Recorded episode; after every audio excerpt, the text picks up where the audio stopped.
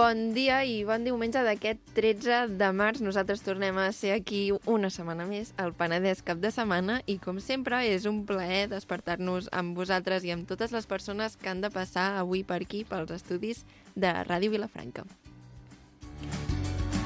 Començarem ara mateix despertant-nos amb un repàs de la premsa local de la mà, com sempre, del Bernat Martínez a la seva secció El quiosc. Seguidament, a Connexió Establerta, parlarem amb la Mercè Casas i ens explicarà una problemàtica que hi ha hagut ara recentment a un programa de Telecinco. A Cellers del Penedès descobrirem el celler Eraví amb el Quico Fernández i, com no podia ser d'una altra manera, acabarem el programa d'avui amb la sobretaula del Joan Moreno i el Bernat Martínez Marc. Dit això, comencem ara sí que sí al Penedès cap de setmana.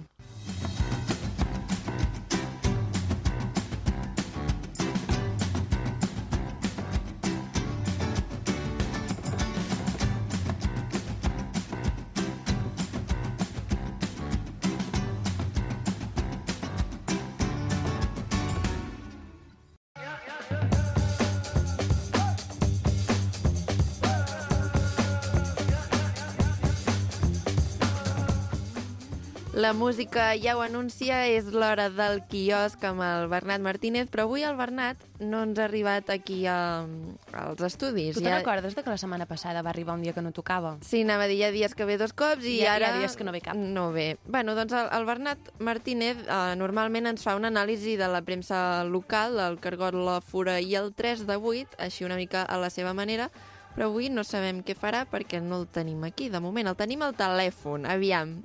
Bon dia, Bernat. Bon dia i mal hora, o Qui- mal dia i mal hora. Quines excuses ens donaràs sí, per no Berni, què estar ha aquí? passat? Què ha passat? Jo creia, jo creia que ja no havia de venir si la setmana passada vaig venir dos dies. És Ah, convalida, convalida. Ja em convalidava i ja està. Però t'has buscat No, alguna però, excusa o només és aquesta? Evidentment... Ah, vinga, va, eh, comença, dormit, comença. eh, la benzina està molt cara. Sí que està no cara, fa dia, No fa dia com per sortir. Jo ja, mira, ja m'he arrepenjat una mica, ja que tenim arribat al segle XXI a Ràdio Vilafranca i tenim aplicacions que permeten que puguem comunicar-nos encara que no sigui eh, presencialment, doncs jo m'hi agafo, m'agafo al futur i, el, i a la modernor i farem la, la secció des de casa. Oh, doncs- Telemàtica. No t'hi agafis gaire, eh? que això del teletreball és només un, un tant per cent. Ja l'has Sí. gastat. La setmana que és ve vens, vens bé, vens normal, Sí. vens un dia i a més a més vens el dia que toca. A tope. Vale. La setmana que ve a tope. Doncs Bueno. vol, vols fer el disclaimer? Ah, és veritat, no me'n recordava. Oh, mira, és que no sé, encara l'haurem de fer el programa Sí. nosaltres. És molt d'hora. Estimat oient, em dirigeixo a tu per avisar-te que els propers minuts escoltaràs certes afirmacions sobre certs temes que poden estar errades. No passa res. Volem fer una pinzellada de la premsa comarcal, no una tesi doctoral de cada tema. Dit això, no hi ha cargol desgana, eh? No hi ha cargol? No hi ha cargol aquesta setmana, sí, ho he fet a- bastant a... M'he fet bastant a les ganes. És que és, és diumenge, és molt d'hora, mm, m'acabo de, acabo de sortir del llit, no, no m'agrada. No, Segur que no, estàs... No, Has, segur has que sortit estàs de llit o dins del estàs llit. dins del llit? Bueno, és broma, estic dins del llit. Clar, és que no ens Ah. No hi ha horòscop perquè està a la taula de la cuina i em fa mandra anar-lo a buscar. és, broma, Pebrots. és broma, aquesta setmana no el tinc, no el puc revisar. Per tant, passarem a la fora directament i parlem de les pistes. Vale. Uh, les pistes. Aquesta setmana la primera pista és un Dog Spa Kit, un kit d'espa de, pels gossos, que porta un raspall per fer massatges, una esponja, una llima d'ungles i un raspall per al pèl perquè el teu gos pugui sortir a olorar els culs d'altres gossos i a menjar-se la primera merda que trobi pel terra de la manera més divina que sigui possible. O sigui, això és com, el, com l'espa aquest de, que et venen uns quants xampús i cremetes i coses, però Sí. versió gossos. Sí, Exacte. ara, ara ho estem mirant aquí amb l'ordinador, l'Aina i jo, que hi ha allò que et posen al cap que fa massatge, Sí. oi? I, I llavors això per rascar-te les pulgues, com es diu pulgues? Sí. Pusses. Les pusses, i hi ha un fregall de... Sí, És una, és una esponja És normal. una esponja. Vale. No, això també em fa gràcia sempre que es pugui tenir tanta cura del, de la higiene dels gossos que sí que s'ha de tenir, però el primer que faran els gossos quan surtin de que els hagis rentat és pues, estarracar-se a terra i començar-se a restregar, o com es diu en català, a rebossar Sí. amb el fang. Sí, perquè no els hi agrada l'olonet. Jo això ho sé. Ah, Soc sí? un expert en gossos i quan neteges un gos troba a faltar la seva olor i es rebrega amb les coses que fan la seva olor per recuperar la seva olor. Ah, sí? Exacte. Ah, doncs bueno, no ho sabia. la segona pista. És la Easy Kebab Maker, que aquesta mena és una mena de pistola. Aquesta Sí, mena de l'estem veient. Sembla un ventolín de color vermell. Sí, és veritat, és veritat, sembla un ventolino, com una, com és, allò que treu flama, no sé com es diu. L'extintor, l'extintor. No, extintor no. L'ex- L'extintor apaga la flama. Hi ha com una mena d'estri que fa flama i que és així també semblant. Uh, bueno, aquesta mena de pistola serveix per fer pinxos. Només heu d'agafar la carn picada, barrejar-hi les espècies que vulgueu, uh, que vulgueu introduir la carn, agafar les curadents i prémer el gallet per assassinar el carnisser del poble que us oferiria un producte de més qualitat i proximitat i no aquesta birria que et faràs amb la carn picada del súper que vés a saber d'on ha sortit. Sí. 17 euros. 17, això anava a dir, estem veient aquí 17, déu nhi no? Per fer una salsitxeta, Perquè 17 euros. mm, agafar la carn picada i enganxar-la tu directament, eh, com qui fa plastilina, Bueno, les pistes Bueno, ja són per això, no? No és tan divertit, en vano, al final. No discutim-ho. Home, tu quan tenies plastilina de petita, què, uh, què volies? El, el joc aquell de cuina o de perruqueria? Perquè jo volia el joc de cuina o perruqueria per poder jugar amb la plastilina. No em conformar amb la plastilina sola. Sí, és veritat, que et feia espaguetis. Sí, sí, sí. Doncs que això és el mateix. Què prefereixes, fer-ho amb la mà o tenir una cosa que et permeti jugar? Pues sempre s'ha d'anar a jugar i a divertir-te. Ah, Berni, m'he avançat mentre ara teniu aquesta conversa i, i crec que ja sé quina és la següent pista. Sí? Que- Que... vols dir tu? Eh, a veure, primer, primer t'ho dic fluix per si no és aquesta. És, és una cosa de roba interior peluda. Sí, és una cosa de roba interior. Vale, doncs jo estic flipant. És, aquí posa roba interior peluda. A Llavors surt un tang així molt xulo, com de lenceria interior. Moníssim, eh, de molt color mono, rosa. De color rosa així fluixet. I I llavors perrús. hi han enganxat aquí uh, uh, uns Pe pèls. pèls de color blau. Uns quants Sí, sí. pèls, oi? Però, però bueno, explica-ho tu, Berni, explica-ho tu. No, no sé, són pèls tenyits blaus sobre un tanga, no? No hi ha, no hi ha Sí. més És que- explicació. és- Sí. sí. Bueno, eh, aquí ho justifiquen dient que on hi ha pèl hi ha alegria. Bueno, Sí. No, és, una, és un lema que tenen bastant no, sí, acunyat sí, el lema està molt bé, però queda raro, no? Per què hauries de voler posar-te això aquí? Bueno, no ho sé. Sí, no ho sé, suposo que tot és activisme. La setmana passada ja vam veure aquells leggings que també eren peluts, però no ho sé. És veritat. Podem Estan- fer una, un outfit sencer de roba peluda. Per Carnaval, Exacte. a tu que t'agrada tant, Sí, disfrutaré. Anirem als leggings i aquest tanga, també. on hi ha pèl i alegria. Vale, doncs Exacte. crec que ja no hi ha més pistes, oi? No, s'ha acabat. Passem Clar. al tema de la setmana, que és Ull Viu, que parla de uh, problemes, o bueno, parla de, de la vista, bàsicament, i de problemes que et poden sorgir. Cosa que no m'ha interessat massa perquè la majoria d'aquests problemes són catarates, glaucoma, coses que ja em passaran d'aquí un temps i ara mateix no... Però no, tu no portes preocupa. ulleres, no? Sí, però bueno, que tampoc... Ah, Però no té catarates. Són de broma, són de broma. I el titular Sí, de de postureo. el titular d'aquesta notícia és Ull viu, eh? I és de en castellà. problemes de la En vista. castellà, Ull Viu és Ojo Vivo. El rojo vivo. Sí. No, Ojo Vivo. No, ja, És era una broma. Em sembla una broma de mal gust que per parlar d'enfermetats de la vista li diguin ull viu. També tens, també tens raó, perquè si una cosa no està a l'ull, és massa viu. Exacte, és un guinyo. Exacte. No sé pas. Uh, potser li hauríem de dir... Bueno, no, no es diu guinyo en català. En català Com es diu picada guinyo? Picada d'ull. En anglès es diu blink, i ho sé perquè pels filtres d'Instagram et diuen parpadeja per poder fer per, per poder fer el filtre. Blink. A tu et surt o no? Blink. Bueno, sí, digues, Berni, perdó. Passem a la notícia de la setmana. que és la robotització de la vinya eh, de la mà del clúster Innovi. Es presenten projectes experimentals sobre tecnificació del treball del camp dins la Wine Innovation Week, que és una mica com la, el Mobile World Congress de la pagesia penedesenca. Observacions de la notícia. La primera, que el clúster que robotitzi la vinya es digui Innovi, de bones a primeres, a mi em transmet tranquil·litat, perquè veig que va de cara. Si en canvi es digués Conservi, diria, "Ah, no, anem, no anem bé, no anem, no anem bé per aquí. Després, segona observació. No puc evitar pensar que tots aquests robots seran com rumbes que es passejaran per la vinya autònomament i l'única feina que tindran els pagesos a partir d'ara serà desencallar-los quan es quedin estancats entre cep i cep. Com una mica quan et passa a casa, que quan el rumba es posa Sí. sota la taula es comença a encallar entre les cadires. Tu tens rumba, Berni? Sí. I com sí, li sí. dius? Perquè la meva té nom. Sí, el, el nostre li vam posar Cristiano perquè anava pel terra. Com el Oh, Cristiano. Ostres! La meva es diu Conga perquè és de la Conga i li cantem la cançoneta de la Conga. De, Oye, ¿cómo va?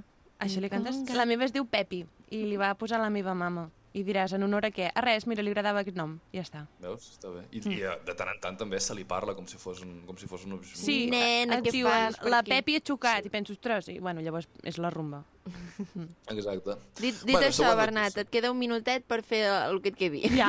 Hòstia! Bueno, doncs aquesta setmana no farem el 3 de 8. Fins que el 3 de 8 no parli del pan, de la resta del Penedès, no parlarem d'ell. Última notícia. 44 refugiats ucraniesos a la casa rural Cal Pau Cruzet de Torrelles de Foix.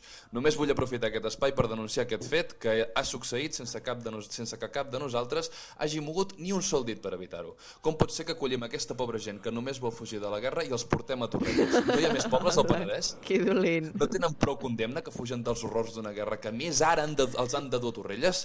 La sort per ells és que és una casa que fa frontera amb Sant Martí Sarroca. Això t'anava- mira, ja li canvia la veu i tot. No estan, no estan tan lluny, de, tan lluny de lo que és el paradís. Estan a una passa, literalment. Com és que no t'agrada Torrelles? Què t'ha fet? Home, és el poble rival per excel·lència de Sant Martí Sarroca. Ah, no teniu... fotem. És com lo de Sitges i Vilanova. I Sant Sadurní per I Vilafranca. Sant Sadurní per Vilafranca, llavors hi ha Torrelles i Sant Martí. No, bueno, cadascú el seu. Vilafranca ho té amb tothom perquè és impossible que no et caigui malament Vilafranca sense el Penedès Bueno. rural. Però a Torrelles exactament què, què discutiu? No, res, perquè esteu al costat i dieu anem a discutir, no? Una mica això. Bueno, escolta'm, perquè evidentment és el millor poble que hi ha a la vall del Foix, a la riba del riu Foix, Sant Martí Sarroca. I Torrelles, doncs mira, s'intenta apropiar una mica, però no pot. I això tothom ho diu del seu poble. Bueno, és que és de I, dia. I així neixen les guerres. Bueno, ah, Berni, tens alguna cosa més a dir? Perquè ara ja estàs fora de temps. Mm, La Martinenca. Bueno, ara tinc dues, man- dues coses a fer. O por lo que me queda en el convento me cago dentro i allargo o em despedeixo. Així que di- trieu vosaltres millor. Et podem tallar quan vulguem, eh? Exacte, què et Ah, penses? vale, vale. Bueno, No, fes, fes el sí, que creguis, et dono 10 segons. Vale, eh, pues res, me'n vaig a dormir una altra vegada. Adéu-siau.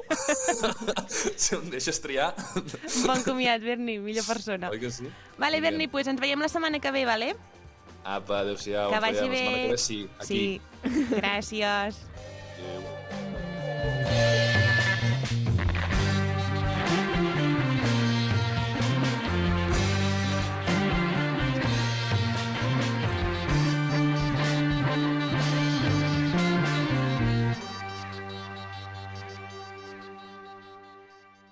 Penedès cap de setmana, amb Judit Jansà i Aina Soler.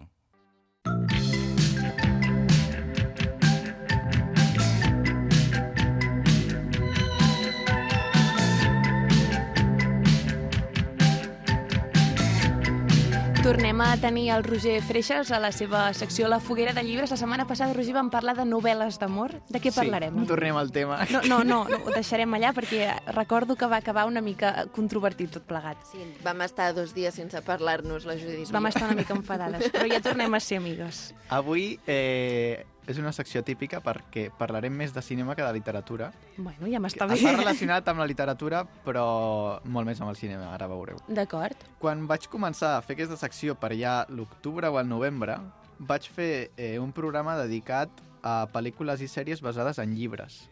I vaig Vale. fer una selecció de cinc. Vaig escollir El olvido que seremos, Call me by your name, que vam parlar l'últim És programa. veritat, ho vam mencionar. No es país para viejos, Gambito de Dama i Normal People. No sé si heu vist. Gambito de Dama està inspirat en un llibre? Sí, Què me dices? sí, sí. sí. Apa, no ho sabia jo, això. Doncs a, aquesta, aquest és un dels motius pels que he fet aquesta secció, perquè fa poc vaig veure una pel·lícula i van dir això està basat en un llibre, i, ostres, i em vaig, em vaig sorprendre perquè no ho sabia.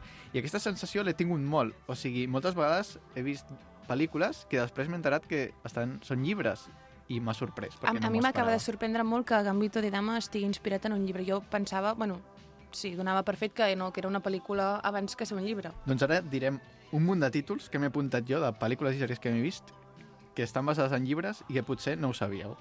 Vale, Vale. sí que és I llarga sí. aquesta no llista, sé eh? si... Sí. no sé si haureu vist alguna, no sé. Jo Perquè vaig dient. abans de començar, què és més normal? Que hi hagi llibres inspirats en pel·lis o pel·lis inspirades en llibres? Llibres inspirats en pel·li. Llibres Ah, inspira- o, o sigui, a veure, no, no, al revés. Al O revés. sigui, primer el llibre, després la pel·lícula. Primer llibre, després la pel·lícula. Clar, perquè sí, escriure un llibre d'una pel·li és una mica raro, però també es fa, no, això? Sí, Vale. el Tarantino fa. va fer El Tarantino és veritat. Per exemple. Podem, podem fer un joc amb aquesta llista, ara se m'acaba I nosaltres diem si és veritat o mentida. No, Ah. no, no sé si és veritat, perquè ens dirà la llista. Clar, no, i hauria de pensar Ah, en... clar. Jo volia dir si hem vist la peli, hem llegit el llibre o res. I a veure qui guanya. Vale, jo, jo quedaré una mica malament. Endavant. Abans, abans de, uh, de res, parlem dels típics, a veure si, si heu vist alguna pel·lícula d'aquestes, que Vale, són vale. de les típiques que s'han basat en llibres. Harry Potter, Sí. Sí. i què us sembla? El llibre jo no me l'he llegit. No, no, parlem de pel·lícules perquè jo Vale, de llibres, vale. de Ah, tots vale. aquests no he llegit cap llibre. O Jo sigui, m'he avui... llegit els llibres de Harry Potter i he vist les pel·lis, i a mi em van agradar més els llibres, però bueno, crec que aquest no Bueno, és el això, debat, això eh? és lo típic, Sí. que el llibre és més millor, no? Perquè és més fidel al que es vol representar. representa. Sempre agrada més el llibre. Jo crec que és perquè tu quan llegeixes et fas el, el, la teva idea mental i després, per molt bona que sigui la Clar, pel·li, també. mai serà com tu has imaginat tu, saps? Que Clar, és una altra cosa. Clar, A mi També és molt difícil condensar en dues hores com a molt... Eh, hi ha un, un llibre sencer. Ja. Bueno, quina era la pregunta? A mi el que em passa... Harry, Harry- Potter, Ah, Harry Potter. Sí. Jo el que faig, però, és que si he vist una pel·li basada en llibres i he vist primer la pel·li, no m'agrada llegir-me el llibre després. Sí, això, això em va passar a mi amb No és país para viejos. Va veure la pel·li, em va agradar tant que vaig llegir el llibre. I no, la veritat és que aquesta pel·li, que estava molt bé, Mm. és exactament el que sortia al llibre. O sigui, anava llegint el llibre i anava recordant totes les escenes. Eh, És espectacular. I et va agradar això? A mi no Mm, m'agrada. No perquè no em va sorprendre, o sigui, el llibre està molt bé, però no em va sorprendre Clar. perquè ja sabia el que passaria. Si és al revés sí que m'agrada, però així no m'agrada. Jo crec que, del, o sigui, sigui del dret o del revés, que primer pel·li o primer llibre, al final no t'acabarà agradant la segona, la segona cosa que facis, perquè tu ja tens una idea del que era la primera, saps? Per Clar. molt bona que sigui la pel·li, si tu ja t'has llegit el llibre, no t'agradarà, i al revés, jo crec. Perquè tu És- imagines, i et fas el teu esquema mental, i evidentment no serà com tu t'imagines. És una Mm. bona reflexió. Jo Sí. crec que sí. Va. Harry Potter, us agrada o no? Sí, A molt. mi no, El senyor dels anells. no, Sí, I el Hobbit? no. sí. Bueno, clar, si el senyor de... Aquesta estava una mica Clar, lligada. aquest era evident, oi? Però els llibres no me'ls he llegit, eh, de cap. Uh, el, código, el código da Vinci El Código Sí. da Vinci, jo, o sigui, les dues coses. M'he llegit el llibre i he vist la pel·li. Jo el llibre no. i el llibre que et va semblar? Clar, és que jo em vaig llegir primer el llibre. I et va agradar més? Em m'agrada més.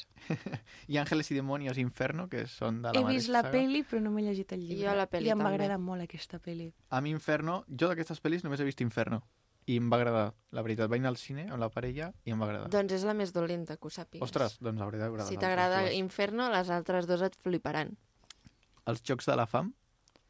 I, eh, tu dius que sí, que què? Que t'ha agradat? Que he vist la pel·li Vale, jo he vist la pel·li, els llibres no me'ls he que sí llegit. que m'ha agradat molt. A mi aquestes sagues així fantàstiques m'encanten. Clar, anava a dir, són pel·lis, oi, els Juegos del Hambre? Sí. Són Llibres, tres o quatre. sí. Sí. però vull dir, no és una pel·li. Hi ha quatre Són- pel·lis i tres llibres, Sí. perquè Vale, de l'últim vale. llibre van partir, ho van partir en dos i van fer dues pel·lícules.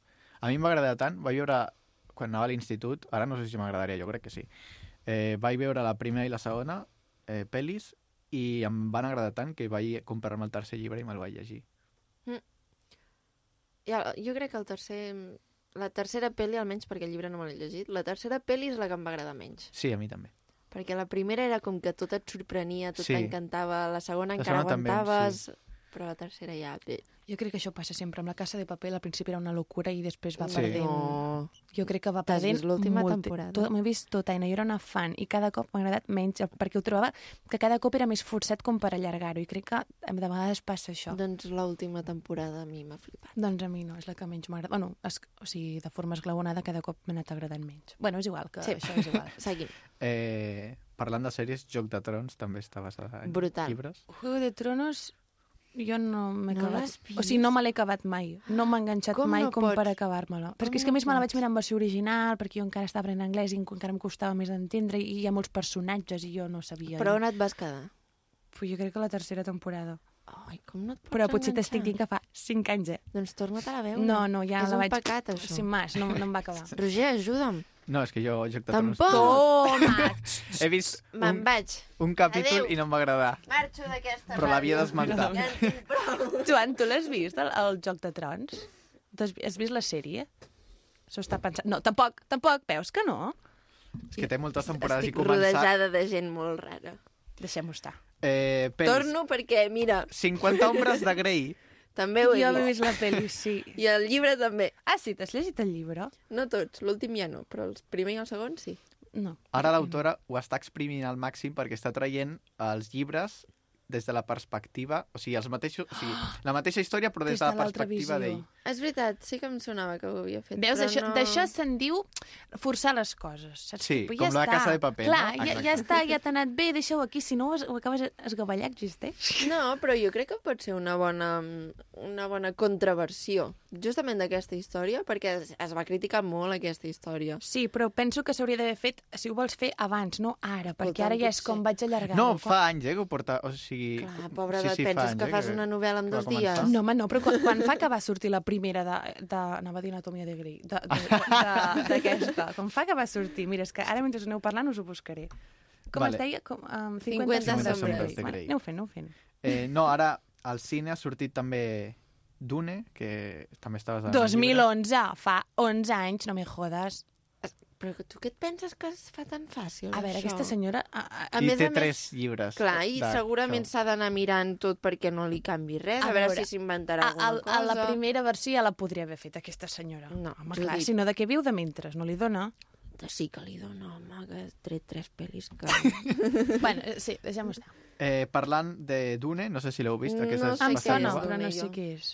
Bueno, és de ciència-ficció. Sí, per això no me l'he vist, segur. És que ara, justament a Cartellera, així, eh, passant la vista ràpida, eh, hi ha les leyes de la frontera, o, bueno, hi havia, aquest, que va guanyar bastants Goya, i està basada en un llibre de Javier Cercas. I aquesta pel·li um, és la que em va fer eh, reflexionar sobre això que us explicava al principi, no? Mm.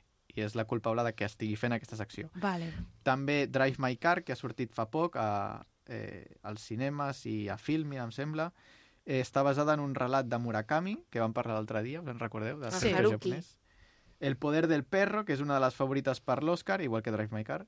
També està basada en un llibre. I Muerte en el Nilo, que ha, eh, l'han estrenat fa poc, està, està també basada en una història de l'Agatha Christie. Oh, m'encanta la gata Christie, també. Doncs la, has vist la pel·li d'Assassinato en l'Orient Express, que va, és, representa la primera d'aquesta saga? No, Doncs també és... doncs de no l'he la- de mirar. de Jo la soc molt fan de 10, 10 negritos. Ostres, aquest el tinc a casa i no És- l'he llegit i el vull oh, llegir. És... Roger, ara mateix te l'has de llegir. És un dels meus llibres preferits. És tot una... Mm, No sé com dir-ho. Un manyoc d'estratègies i, i... Oh, espectacular. Jo de Christie he llegit de l'assassinato de Roger Ackroyd. Roger, eh? Sí, com jo. Que també al final és una mica sorprenent. Mm. Jo de l'Agatha Christie no... no. Doncs tu també. De Ja- fet, l'Agatha Christie em recorda a l'Agatha Ruiz de la Prada, imagina't. Mai sé qui és qui. Judit, ja et deixaré 10 negritos. Bueno, ja em Em diràs, costa dir primer 10. mora... 10 negritos. 10 Ja negritos. m'explicaràs primer de què va i llavors ja valoraré. Coi, doncs que maten a 10 negritos. Però no m'ho diguis, això, que maten Però si a 10 tu està dient el negritos. títol, No, los 10 negritos. què et penses que maten a Que l'assassinat de paris de fer-me spoiler, que no m'he llegit res. Digues, Roger. Ens tornarem Bueno. a enfadar avui. Seguim. Abans que us he dit al principi que us diria pel·lícules i, o sèries eh, que estan basades en llibres Sí. i a veure si les heu vist. Sí. Una, diria primer la que és més sorprenent, o almenys a mi em va sorprendre, és la sèrie de Netflix You. Oh, sí. L'heu vist? sí. Sí. Està basada en un llibre de Caroline Kepnes. Crec que amb llibre m'agradaria molt més que amb sèrie. És que amb sèrie és tan creepy. Sí. No, perquè veus... Ima... O sigui, una cosa és que t'ho imaginis, però la... veure aquell, aquella persecució... Bueno, persecució, mm. ja Mm. m'entens, aquell apego... A mi, a mi, jo no vaig... Sé que hi ha dues temporades, oi? Que va sortir Tres. fa poc. La... Tres. Tres. L'última ha sortit fa poc. L'última no me l'he vist. Perquè, no, mira, m'he quedat amb Ja aquest record sé. així com de... Eh, saps? Així una mica creepy tot plegat. Sí, doncs la tercera encara és més creepy. Doncs pues no la miraré, no tinc cap intenció. Sí, la tercera... Bueno, no, no faré spoilers. Perquè... No, no, no cal.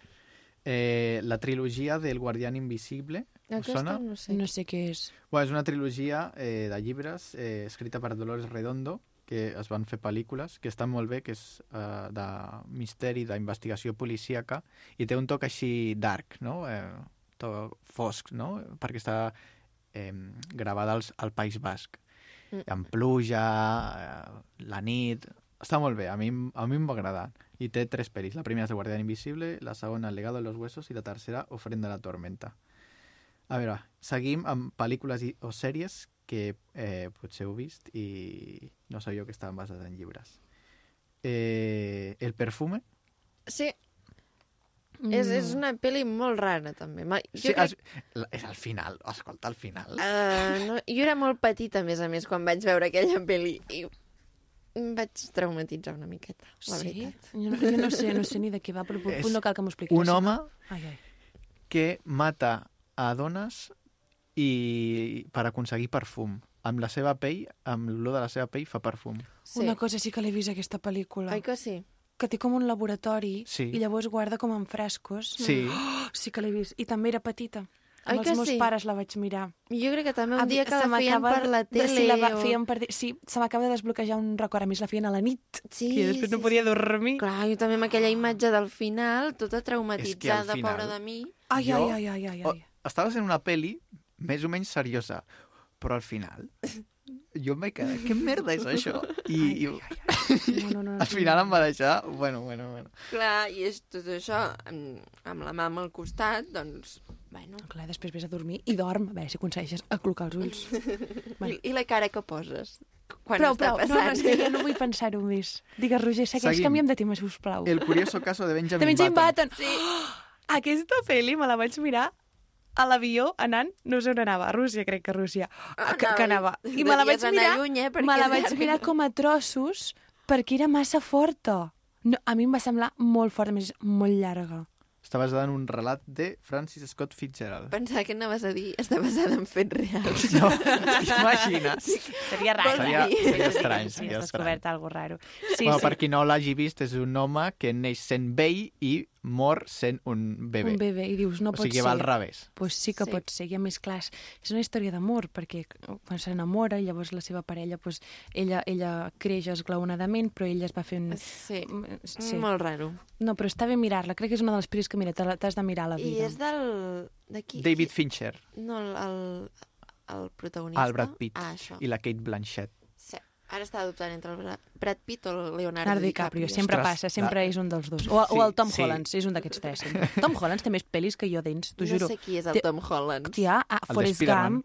Què dius? Ah, no, Aquest és el Tom el- el- Hanks. El Tom Hanks, el Tom Hanks. No sé qui El. Tom Hanks té més pel·lis, tu poses Netflix Aviam, i no para de posa'm una, sortir. una foto Sí, del Tom Hanks. A- El Forrest Gump, tu saps qui és? No. Tia, aquell que comença a córrer. Tom Sí, Hanks és però el no de... l'he Ha vist. fet eh, La milla verde, que també està basada en un llibre. de Vale, la milla verde sí. Ha fet El, mo el policia. molts, molts, moltes pel·lis, moltes pel·lis. Aviam, Oh, està Tom vell, eh, Hanks. ja, mira'l, és que comença a t'arribar Ah, ja sé arrugues. qui és el Tom Hanks. Aquest senyor sí ha fet sí. una de pel·lícules que no saps. Tu poses a Netflix i totes les pel·lis l'ha fet ell. Com el Tom Cruise. De té, té 65 anys aquí, eh? Mira, El si Náufrago puedes. també va fer...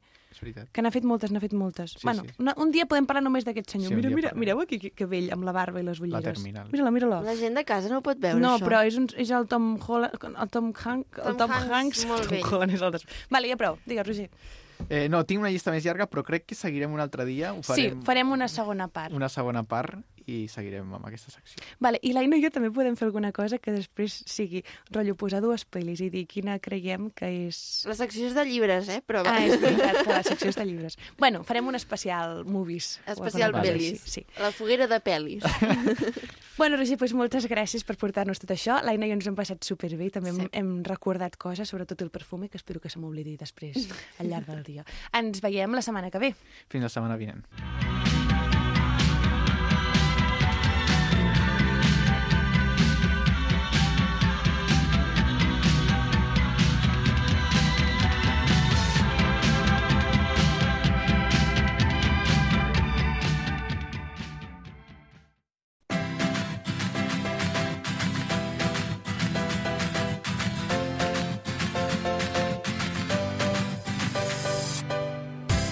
Passem ara a Connexió Establerta, la secció del Penedès cap de setmana on contactem per telèfon amb algun periodista o alguna periodista que ens explica una notícia d'actualitat important que, que implica algun debat o que té alguna reflexió més enllà.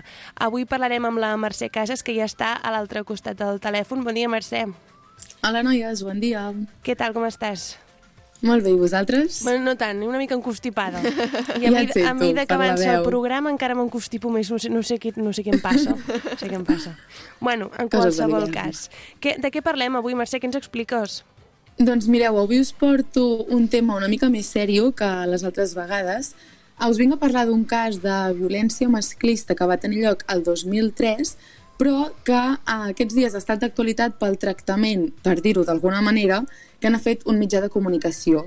Però, si us sembla, aquí ja hi entrarem més endavant i primer us situo i us explico una mica de què va aquest cas. D'acord. Perfecte. Estem parlant del cas de Sandra Palo, que la veritat és que jo el desconeixia i no n'havia sentit a parlar, però crec que és important que dediquem aquest espai per fer-ne ressò. Per posar-nos en context, Sandra Palo era una jove de 22 anys que vivia a Getafe amb la seva família i tenia una lleu discapacitat psíquica. El 17 de maig del 2003, ara fa 19 anys, va ser brutalment assassinada per quatre nois, tres d'ells menors d'edat, d'entre 14 i 18 anys. Segons la justícia espanyola, de fet, és considerada una de les víctimes de violència masclista que ha sofert més en la història recent i el seu és un dels crims més desproporcionat i inhumà que existeix. Sandra Palo, eh, la nit que la van matar, havia sortit a prendre alguna amb uns amics i de matinada, quan ja estava esperant el bus per tornar a casa, va aparèixer un cotxe amb quatre nois que la van amenaçar amb una navalla i la van obligar a pujar-hi. Un cop al cotxe la van retenir, van conduir fins a un descampat i va ser allà on la van violar. Després de molta estona van intentar matar-la atropellant-la fins a 15 vegades amb el cotxe, però com que no van aconseguir, què van fer? Doncs van decidir anar a la gasolinera que els quedava més a prop, van comprar un euro de gasolina i la van cremar viva. Això ho van fer també per por que, si la noia aconseguia escapar-se, els delatés, perquè en aquell moment, i amb l'edat que tenien, recordem que tres eren menors d'edat, ja tenien bastants antecedents. Entre els quatre acumulaven més de 700 denúncies, vull dir que imagineu-vos de quins personatges estem parlant. El cas eh, va commoure a la societat espanyola i va suposar un gran enrenou mediàtic i el plantejament d'una reforma del Codi Penal per a baixar, rebaixar les edats de, de condemnes a menors. Com que tres d'ells encara no tenien els 18 anys, estaven emparats per la llei del menor. I clar, perquè sou una idea de les sentències que se'ls van posar, per exemple, el més jove, el Rafael García, que en aquell moment tenia 14 anys, només va complir 4 anys de reformatori, vull dir, no va ni anar a la presó. Els dos altres menors, de 17 anys, Ramon Santiago i José Ramon Manzano, hi van estar una mica més de temps. En aquest cas van estar 9 anys en un reformatori també dels 17 que els hi havien caigut. I el jove de 18 anys, a Francisco Javier Astorga, que era l'únic major d'edat, sí que li van caure 64 anys de presó i, de fet, encara està complint la pena. Um, I clar, en aquell moment, davant d'això, la família de Sandra Palo va començar a recollir firmes per sol·licitar un enduriment de les condemnes amb una reforma de la llei del menor a Espanya i va arribar a aconseguir fins a un milió de signatures que, per cert, és una campanya que actualment encara està en marxa i encara es pot firmar. Des de llavors, la seva mare, Maria del Mar Bermúdez, no ha deixat de lluitar i no perd l'esperança que es faci justícia i ha concedit diverses entrevistes per visibilitzar el seu cas. I aquí és on anem perquè l'última entrevista va ser fa uns dies al programa Viva la vida de Telecinco, presentat per Emma García, no sé si l'heu vist mai o us sona. Sí, jo, jo la conec perquè jo mirava mm, Mujeres, Mujeres i i hombres Sí. viceversa. És veritat, és la que abans presentava Mujeres i Hombres. Doncs ara ha fet el salt, aquest programa dels caps de setmana Telecinco, i um, què va passar? Doncs que el programa, lluny de posar el focus en ella, en la mare de la víctima, va decidir entrevistar també un dels violadors i assassins de Sandra Palo. Es tracta de Ramon Santiago, que, com us deia abans, en el moment del crim tenia 17 anys, i ara en té 34. L'assassí va voler parlar per primera vegada a la televisió per mostrar públicament el seu penediment i Telecinco es va aprofitar d'això i ho va vendre com una gran exclusiva. Um, en cap moment la mare de Sandra Palo va coincidir amb ell perquè era una entrevista que ja estava gravada, o sigui, ell no va haver d'anar al plató i no estava en directe, però igualment, si ja deu ser prou dur per ella cada vegada que ha de remoure-ho tot, imagineu-vos haver-ho de fer mentre escoltes com un dels assassins de la teva filla fa la seva de vida tan tranquil·lament. I que al final és que era una entrevista que tampoc aportava res a part de fer patir aquesta pobra mare. Mm, jo no ho vaig veure en directe perquè no segueixo aquest programa, però clar, després de tot el rebombori que això va causar a les xarxes, sí que vaig anar a buscar l'entrevista, ja no tant perquè m'interessés el seu contingut, sinó per veure com ho havien enfocat.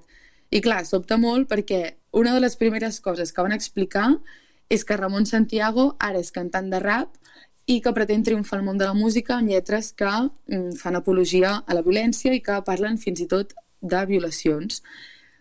Si us dic la veritat, jo no vaig poder aguantar tota l'entrevista sencera perquè, a més, entremig de les seves declaracions anaven parlant amb la mare per comentar-ho i, clar, vull dir, evidentment no es podia aguantar les llàgrimes i tampoc es creia el suposat perdó de, de Ramon Santiago. Um, I al final el resultat va ser 40 minuts en prime time d'un dissabte a la tarda, uh, que clar, les xarxes es van omplir de crítiques cap a Viva la Vida, condemnant que es donés veu un assassí i demanant la cancel·lació del programa. Una de les paraules que més es repetia era telebasura, però també crueltat, morbo i violència mediàtica, que al final és el que van haver de recórrer per tenir audiència, però com a periodistes, i ara aquí també on us anava a preguntar una mica a vosaltres, ens hauríem de preguntar fins on estem disposats a arribar per aquesta audiència, perquè des del meu punt de vista hi ha límits que no s'haurien de passar i, evidentment, Telecinco, com ja ha fet altres vegades, um, ha creuat aquests límits. Vaya tela, jo, jo és que ja no sé per on començar a respondre't. jo, a part de, de tot el tema de l'ètica periodística que evidentment es passen per un lloc, crec que també hi ha una molta falta d'investigació d'aquest senyor.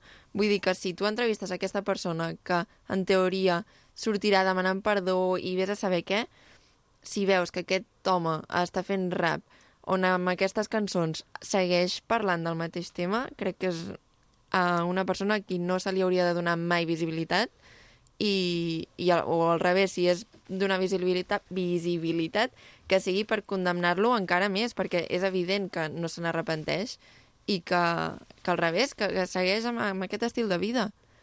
Jo penso que ni que hagués sortit demanant perdó, que sortís penedit del que va fer, um, crec que tampoc es mereix aquest espai a la, a la tele uh, on pugui ell um, pues això, baixar el cap i demanar perdó. Crec que ni que hagués fet això, jo no li hauria donat aquest espai i no em sorprèn de Telecinco, el que sí que em sorprèn és que, per exemple, la Imma García, que és la presentadora de Viva la Vida, ni ella mateixa um, no tingués els ovaris de parlar amb la cadena i dir, ostres, potser això que estem fent, i sent jo la representant d'aquest programa, perquè ella també ha quedat molt esquitxada amb tot el que ha passat, no s'atrevís a dir, no sé com va inter internament això, però que ningú digués res i que, i que això sortís tal qual em sembla molt fort i crec que ja es veia venir que l'audiència es tiraria damunt. Llavors no entenc com ningú ha dit res, com no ha passat cap filtre i... Bueno, és que no, no ho entenc, no ho entenc, no ho sé. Exacte. De fet, a part de, de la mare de Sandra Palo, també van convidar, o bueno, van portar a dos experts, eh, que crec que un era advocat o això, expert en, en dret, i també parlaven una mica del tema de la reinserció. Però clar, és que justament és el que dèieu, si hi ha... Mm, veus que aquesta persona uh, s'està intentant dedicar al rap uh, amb, aquest tipus de, amb aquests tipus de, de lletres, ja veus que és una persona que, per molt que digui que se n'arrepenteix, que està fent la seva vida tan tranquil·lament i que... Sí, que com si no hagués passat res. Molt reinsertada Llavors, no està. No sé, és una polèmica que, de fet, també fa uns anys va recordar un cas que ja va passar al programa de la Nòria, perquè també van entrevistar un dels assassins de Marta Castill, del Castillo i gràcies al boicot i la pressió de la gent van acabar Va amb tancar aquest el format. programa. Oi? No sé si ara tornarà a passar el mateix, però el que evidentment que s'ha de fer és condemnar-ho. Bueno, doncs jo crec que amb això podríem tancar una mica la connexió establerta. També crec que ha caigut ben bona data això, ja que ara la setmana que ve serà 8 de març, també podem fer... Passada, Judit. Ai, la setmana... No, Passada. la setmana passada. Va ser 8 de març, també dona com per tancar, no fer una reflexió de que ens hem de plantejar moltes coses i no, no donar veu ni, ni visibilitat a gent que ni s'ho mereix ni, ni se l'ha buscada. Per tant, gràcies Mercè per portar-nos aquest tema avui aquí al Penedès cap de setmana i esperem que puguis tornar un altre dia a explicar-nos coses tan interessants com aquesta. Esperem que sí. Gràcies a vosaltres. Gràcies.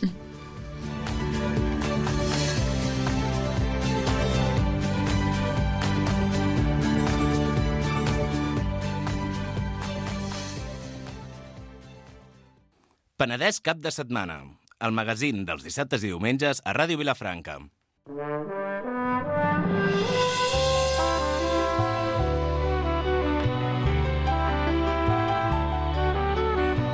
Al Penedès estem envoltats de cellers i de persones que ens enriqueixen el territori. Cada diumenge rebem un celler diferent per descobrir-ne la seva història i qui són les persones que s'amaguen darrere dels vins i escumosos que elaboren. Avui tenim als estudis el Francesc Fernández, altrament conegut com a Quico, que ens ve parlar del celler Eraví, un celler situat a l'Albal, per la gent que no ho sàpiga, això és prop d'Aigua Múrcia. Que ara ja ha quedat tot clar. Sí. Amb això, aigua Múrcia. A ara tothom s'ha ubicat. Sí. bon dia, Quico, com estàs? Bon dia, molt bé. Sí, t'agrada la ràdio? Uh, bueno, És curiosa. xula, oi? Sí, sí, sí. Quico, abans de començar una mica l'entrevista, sempre ens agrada que els nostres convidats expliquin una mica qui són i quina és la seva trajectòria en el sector. Vale, bé, doncs, uh, bueno, jo sóc d'aquí a Vilafranca, però uh, últimament estic una mica més fora que no pas aquí. Uh, em vaig formar en Enologia uh, a la Rovira Virgili uh, i des de sempre, doncs, bueno, uh, he estat relacionat amb el tema, o quasi hem estat relacionats amb el tema de l'agricultura i de la muntanya, etc. Aleshores, um, bé, després de... Paral·lelament a la carrera pues, vaig estar treballant amb algun celler de per aquí al Penedès. Uh, també, com a curiositat, vaig fer les pràctiques al Augustus Forum, com el Roig. Ah, però- sí?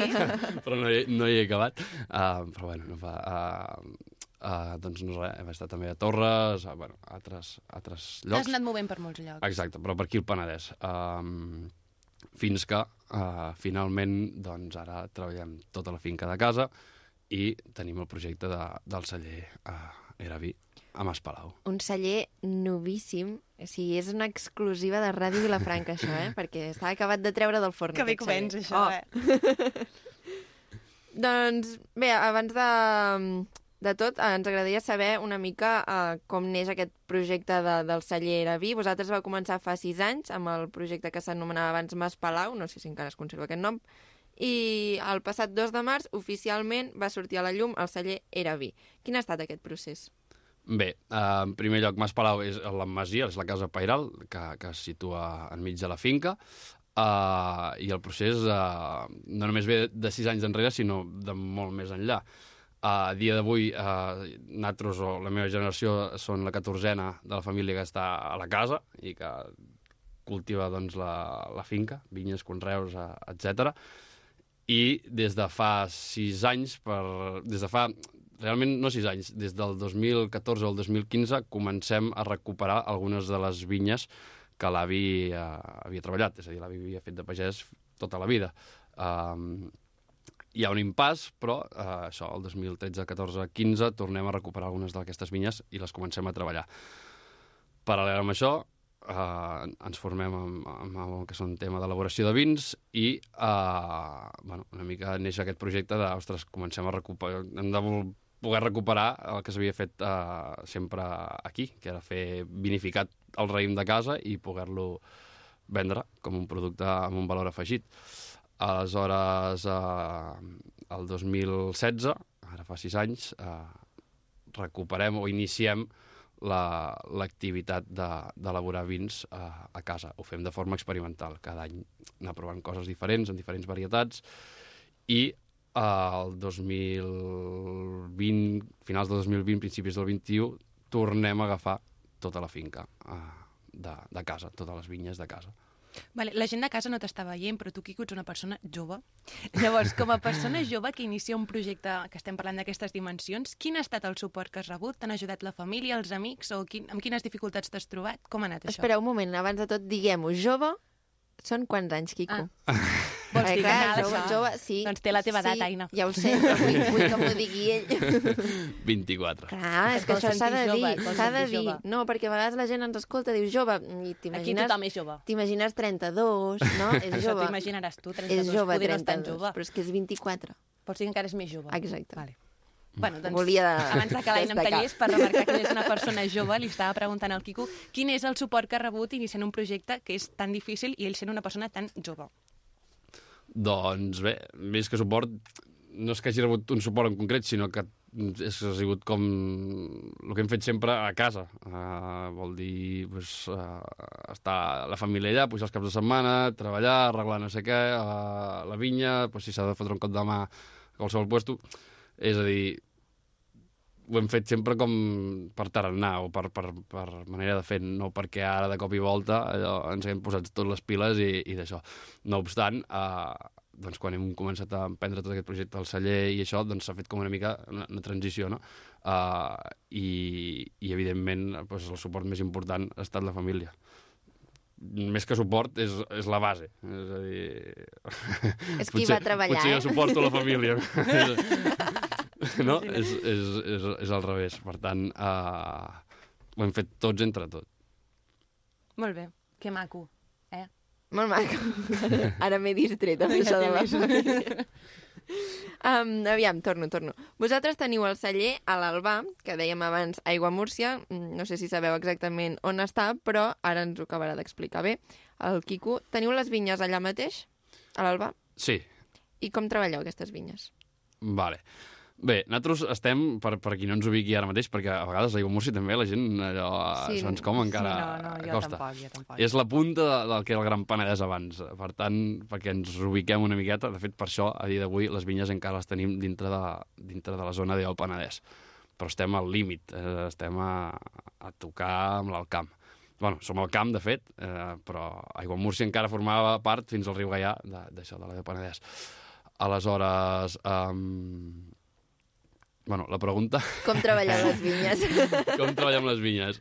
Uh, doncs bé, des del 2013 certifiquem amb ecològic uh, i per tant ja és un canvi radical amb el que es portava fent durant els últims anys uh, i torna a entrar un canvi entre cometes bastant fort uh, quan les agafem agafem l'explotació nosaltres uh, sols, diguem perquè llavors sí que comencem a treballar um, seguim treballant amb agricultura ecològica, però ens formem en biodinàmica i, uh, en, bueno, uh, no entenem les vinyes uh, sense entendre la finca, per dir-ho d'alguna manera. És a dir, entenem tot com un gran conjunt. És uh, com si fos un, un cos d'una persona, no? Doncs uh, les vinyes són un dels òrgans que, que té la finca. La casa és una altra, els boscos en són una altra, uh, altres conreus, etc doncs, etc. I així ens podríem anar fent. Uh, I la manera de treballar-les, doncs, uh, una amb el màxim respecte cap a l'entorn, cap a la biodiversitat, uh, dos, allunyant-nos del que és la, la gran productivitat que tenim aquí al Penedès, és a dir, anem a buscar uh, coses més particulars uh, i, i amb menys quantitat per, per obtenir el màxim pues, uh, bueno, fruits això de, de, de qualitat, com, com dic, i, i així com a tret característic, així perquè la gent des de casa s'ho imagini, doncs mirem de que la vinya no sembli una vinya, sinó un jardí on hi ha, vi, on hi ha ceps, no? Allò, que, hagin, que estiguin... Les vinyes són cobertes vegetals, que encara se'n veuen poques, cada dia se'n veuen més, per sort, però, però a poc a poc eh, crec que anem per bon camí. Què és això de la vinya encoberta amb vegetals? Coberta vegetal. Doncs és eh, deixar de llaurar, o llaurar molt menys del que es fa, o del que es portava fent fins ara, i deixar que creixi l'herba a les vinyes. Uh, al final, sí, més o menys, m'explico? Sí, vale. sí, sí, sí. és a dir, la, el que es considera potser la mala herba no, el que tota no la vida s'ha conservat, exacte, la mala herba, doncs no, és el contrari, és, són bones herbes. De fet, ens indiquen quin tipus de sol tenim, uh, quines, quins treballs podem fer en els sols, uh, ens estructuren els sols. A més, estem en, una, mm, estem en ple mig de les muntanyes, és a dir, estem una mica aïllats, i per tant, a les muntanyes hi ha pendents. Què passa? Que si les vinyes no són completament planes, a la mica que plou i cada dia més plou de cop i vol de, uh, fas rases, bueno, destrosses una mica tot el que és això. Amb les cobertes tot això evitem uh, l'erosió d'aquest sol i, per tant, preservem molt més l'entorn i, i fem que... Bueno, al final, són tot avantatges, menys, menys en benefici de, de, de, de, de les altres produccions, però com que tampoc no estem buscant això, doncs, per tant, no, no és un problema, al contrari. Llavors, és... si la vinya, una vinya aquí a la Dió Penedès fot pendent, si mm. té això del vegetal encobert, com es diu això? coberta vegetal. De la coberta vegetal, no, no té per què, per exemple, si plou, o sigui, li va bé que estigui... Clar, el, el que fa la, la, les cobertes, el que fa l'herba, per dir-ho d'alguna manera, és introduir l'aigua cap a sota vale. la terra. Si, si tens terra suelta o llaurada i tens grans pluges, què et fa la terra? La terra se l'emporta l'aigua. Se te'n va la vinya avall. Se te'n va la vinya avall, exacte. Dit d'una altra manera. vale, llavors, a l'haver-hi les plantetes i així tot natural, fa que, que absorbeixi l'aigua i que es quedi allà. Exacte. I a més a més també li deu donar com un toc diferent al, al raïm, això? No sé si m'ho invento jo, però... Uh, clar, a- en època, en època de maduració, o sigui, en època de barema, si tens sols amb coberta, tens sols... Um, sigui, la planta té més competència en el que és matèria d'aigua i, per tant, uh, el raïm està més concentrat. Té menys aigua. La polpa del raïm té menys aigua. Al tenir menys aigua, té més concentració d'àcids, de sucres, d'aromes, etc etc. Tot avantatges, ja ho deia abans. Mira que fa dies que fem això de, de cellers del Penedès i aquesta vegetal coberta encara no havia sortit. Sí, però... Per, perquè no es diu No, així, segur que no havia sortit, eh? eh No. Coberta No, vegetal. però si, si, si ha passat algun biodinàmic que em sembla que, N'han que passat sí, uns quants. Sí. I cada un ens diu una comparació diferent, diferent una amb la seva diferent. vinya. Tu has dit la del cos... Bueno, cadascú ens diu aquí unes metàfores que bueno, ja està bé, ja està bé. sou molt filo filosòfics, els Ah, biodinàmics. sí. Bueno, deixava la biodinàmica, no? Una No s'han mica. de vendre, ho, aquesta ho va gent fer, s'han de vendre. Ho va fer... No, però la va crear un filòsof, doncs... Sí, això ho sabem. Això ens ho van dir l'altre dia. El que va crear l'escola. Waldorf. Sí, la setmana passada Rudolf ens ho van Steiner. explicar. Ah, sí, aquest. sí. Mas Parera ens ho va dir o alguna cosa així?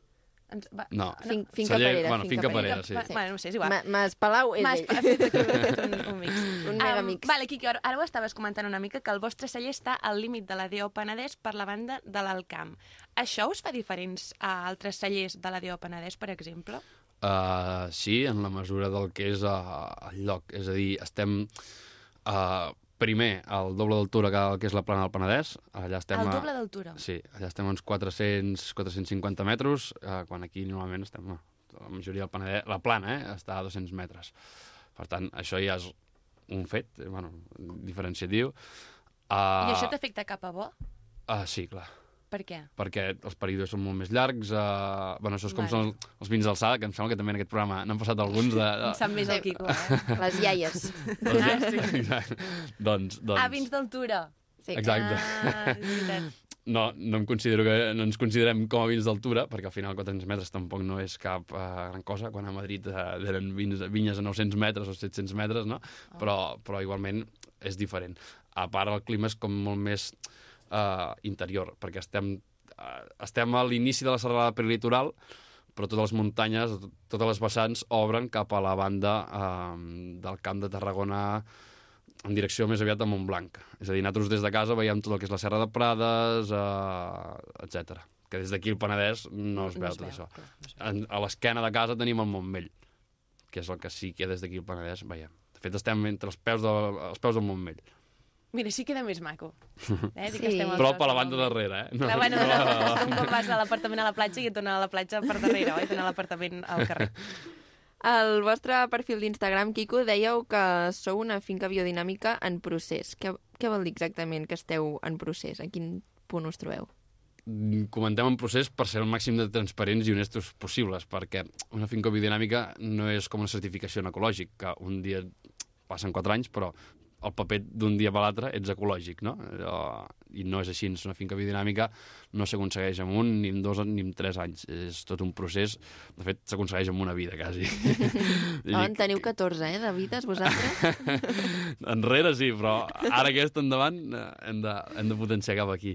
Llavors, eh, pensem que és una, és una cosa que, que es fa amb una transició, no, no això, no, no, no esporàdicament d'un dia per l'altre perquè tenir, treballar amb cobertes vol dir una feina d'anys, eh, treballar, aprendre de, de, al final, com dèiem, no? amb 24 anys o sent jove, tens poca experiència en aquest... Eh, fent el que sigui, la igual, vida, en a la la vida.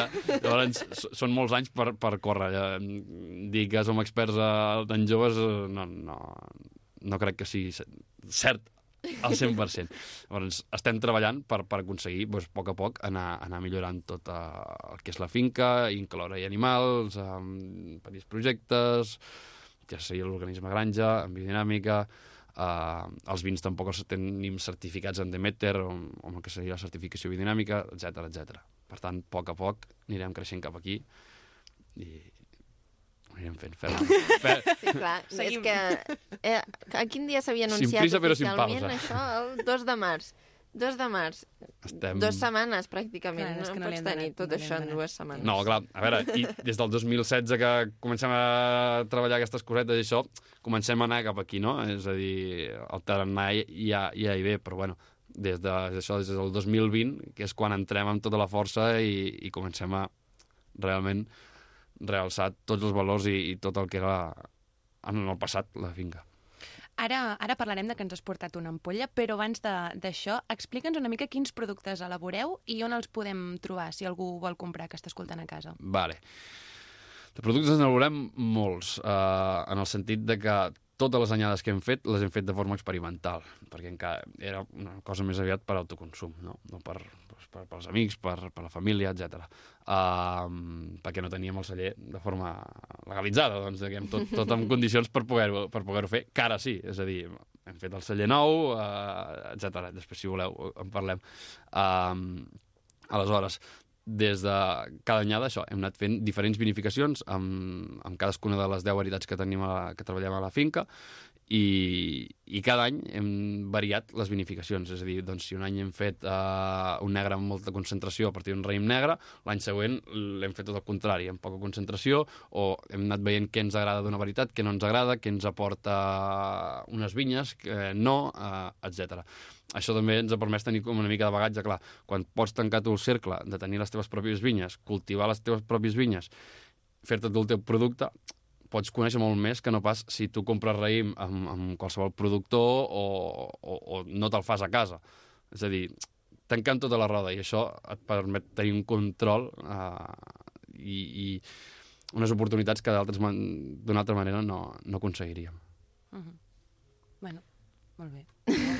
No, és veritat, ja avui han passat cellers per aquí que explicaven això, que de vegades ells han d'anar a buscar el rim a un lloc o el que sigui, no tenen aquest control del que parles tu, tu pots controlar-ho tot, tot el procés des de zero. Clar, quan pots anar a la vinya pensant en treballaré d'aquesta forma en aquesta vinya perquè aquest, sé que aquest raïm eh, es transformarà en un vi...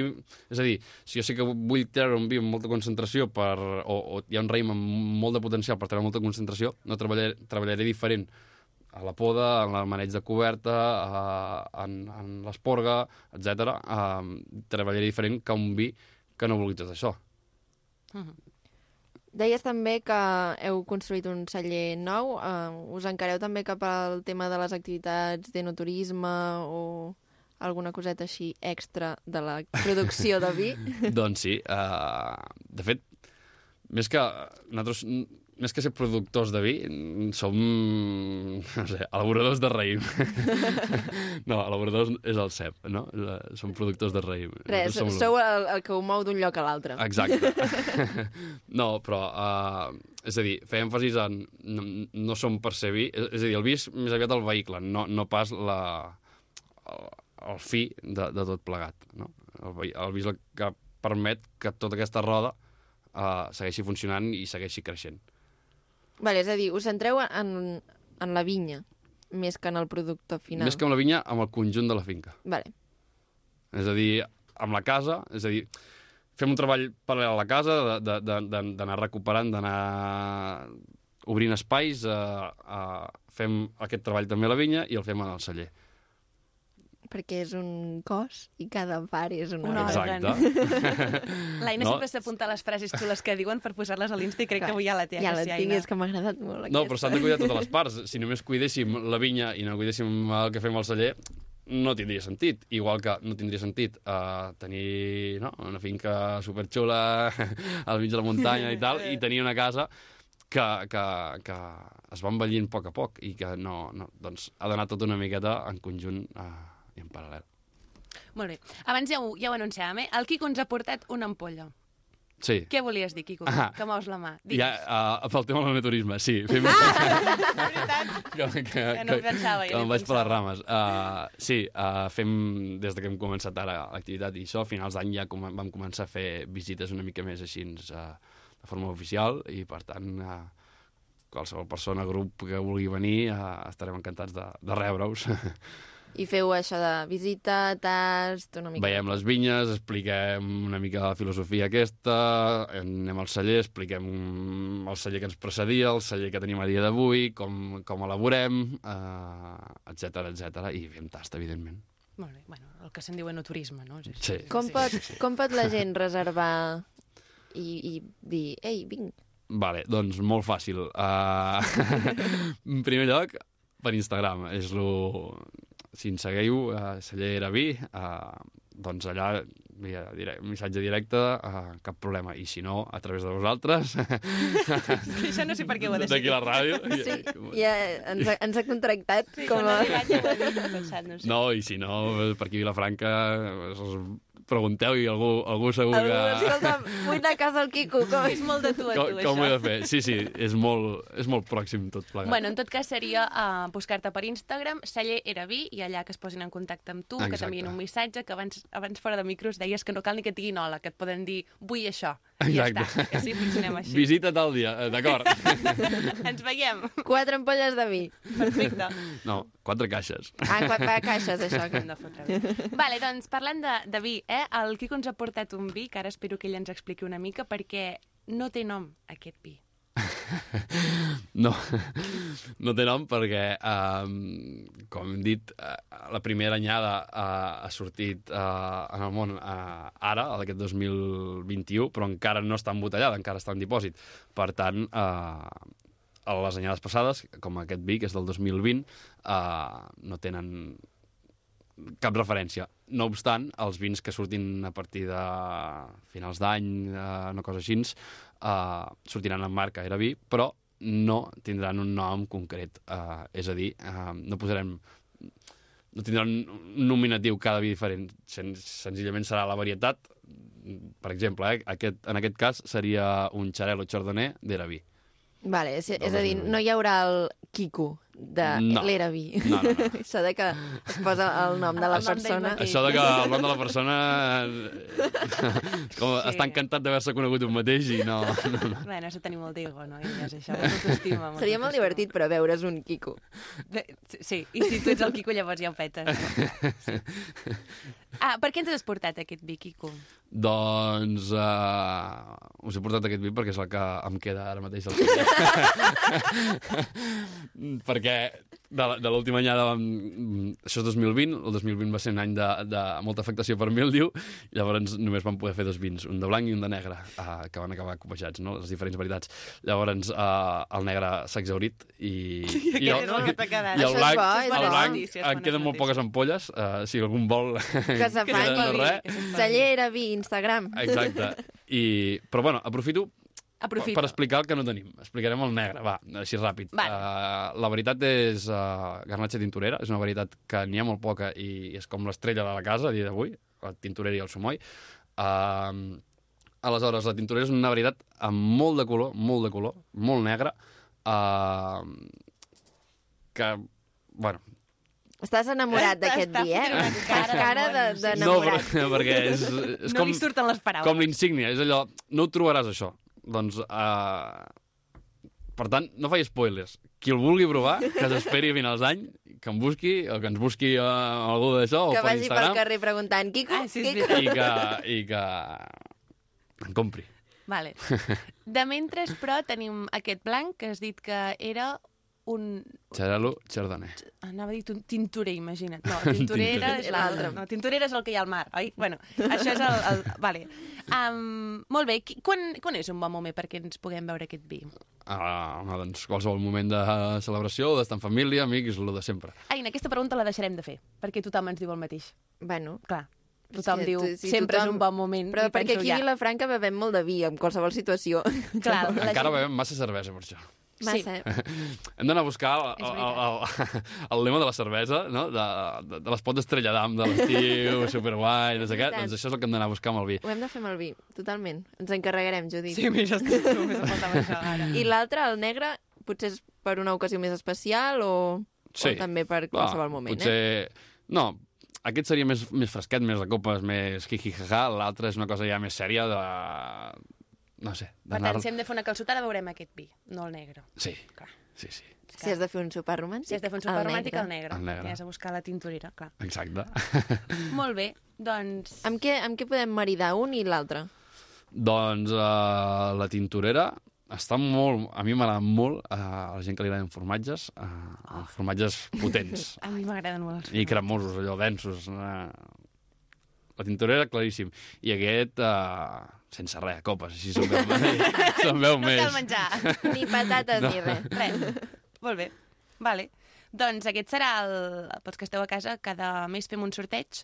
Aquest serà el, el vi que sortejarem del celler Eva Vi. Eva Vi. Eva Vi, Era no, vi. era Vi. Sí, perquè del negre ja no li queda. Perquè del negre ja ho hem dit que estava tan bo que la gent s'ha espavilat a trobar-lo i ja no en queden. Doncs, Aina, anirem acabant, oi? Anem acabant, Jo sí. crec que més o menys ja ho hem dit tot. Avui hem, hem descobert un celler nou, el celler Eraví en el seu punt de sortida al, al mercat. Moltes gràcies, Quico, per acompanyar-nos i presentar presentar-nos el, el teu celler. Igualment, i, I- i gràcies per l'oportunitat. I res, d'aquí un temps et tornem a convidar a veure si ja, com va aquest èxit. A veure com progressem. Gràcies, Quico. Estupendo, merci.